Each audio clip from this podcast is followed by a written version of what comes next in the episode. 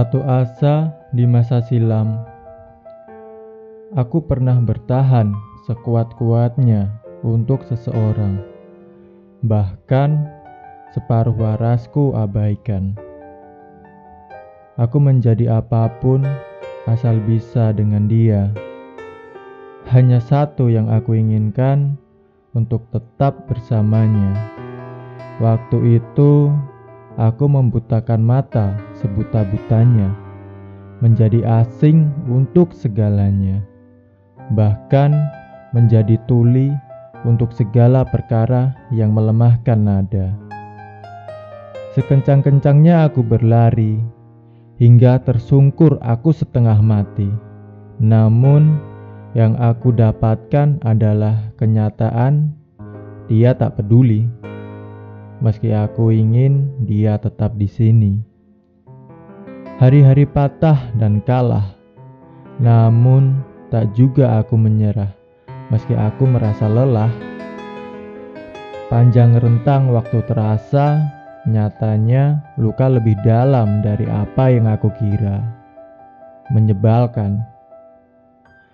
Aku menenangkan diri berkali-kali lipat dari patah hati sebelumnya hingga aku lupa rasanya lara yang menusuk dada.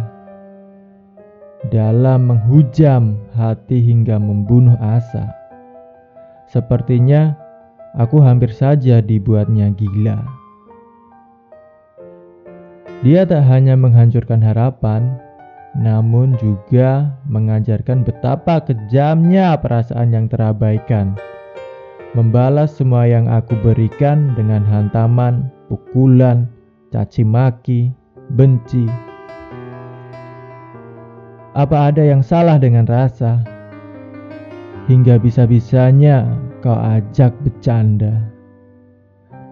Memang manusia tak punya kuasa untuk menumbuhkan rasa dan berharap pada manusia hanya menyisakan lara.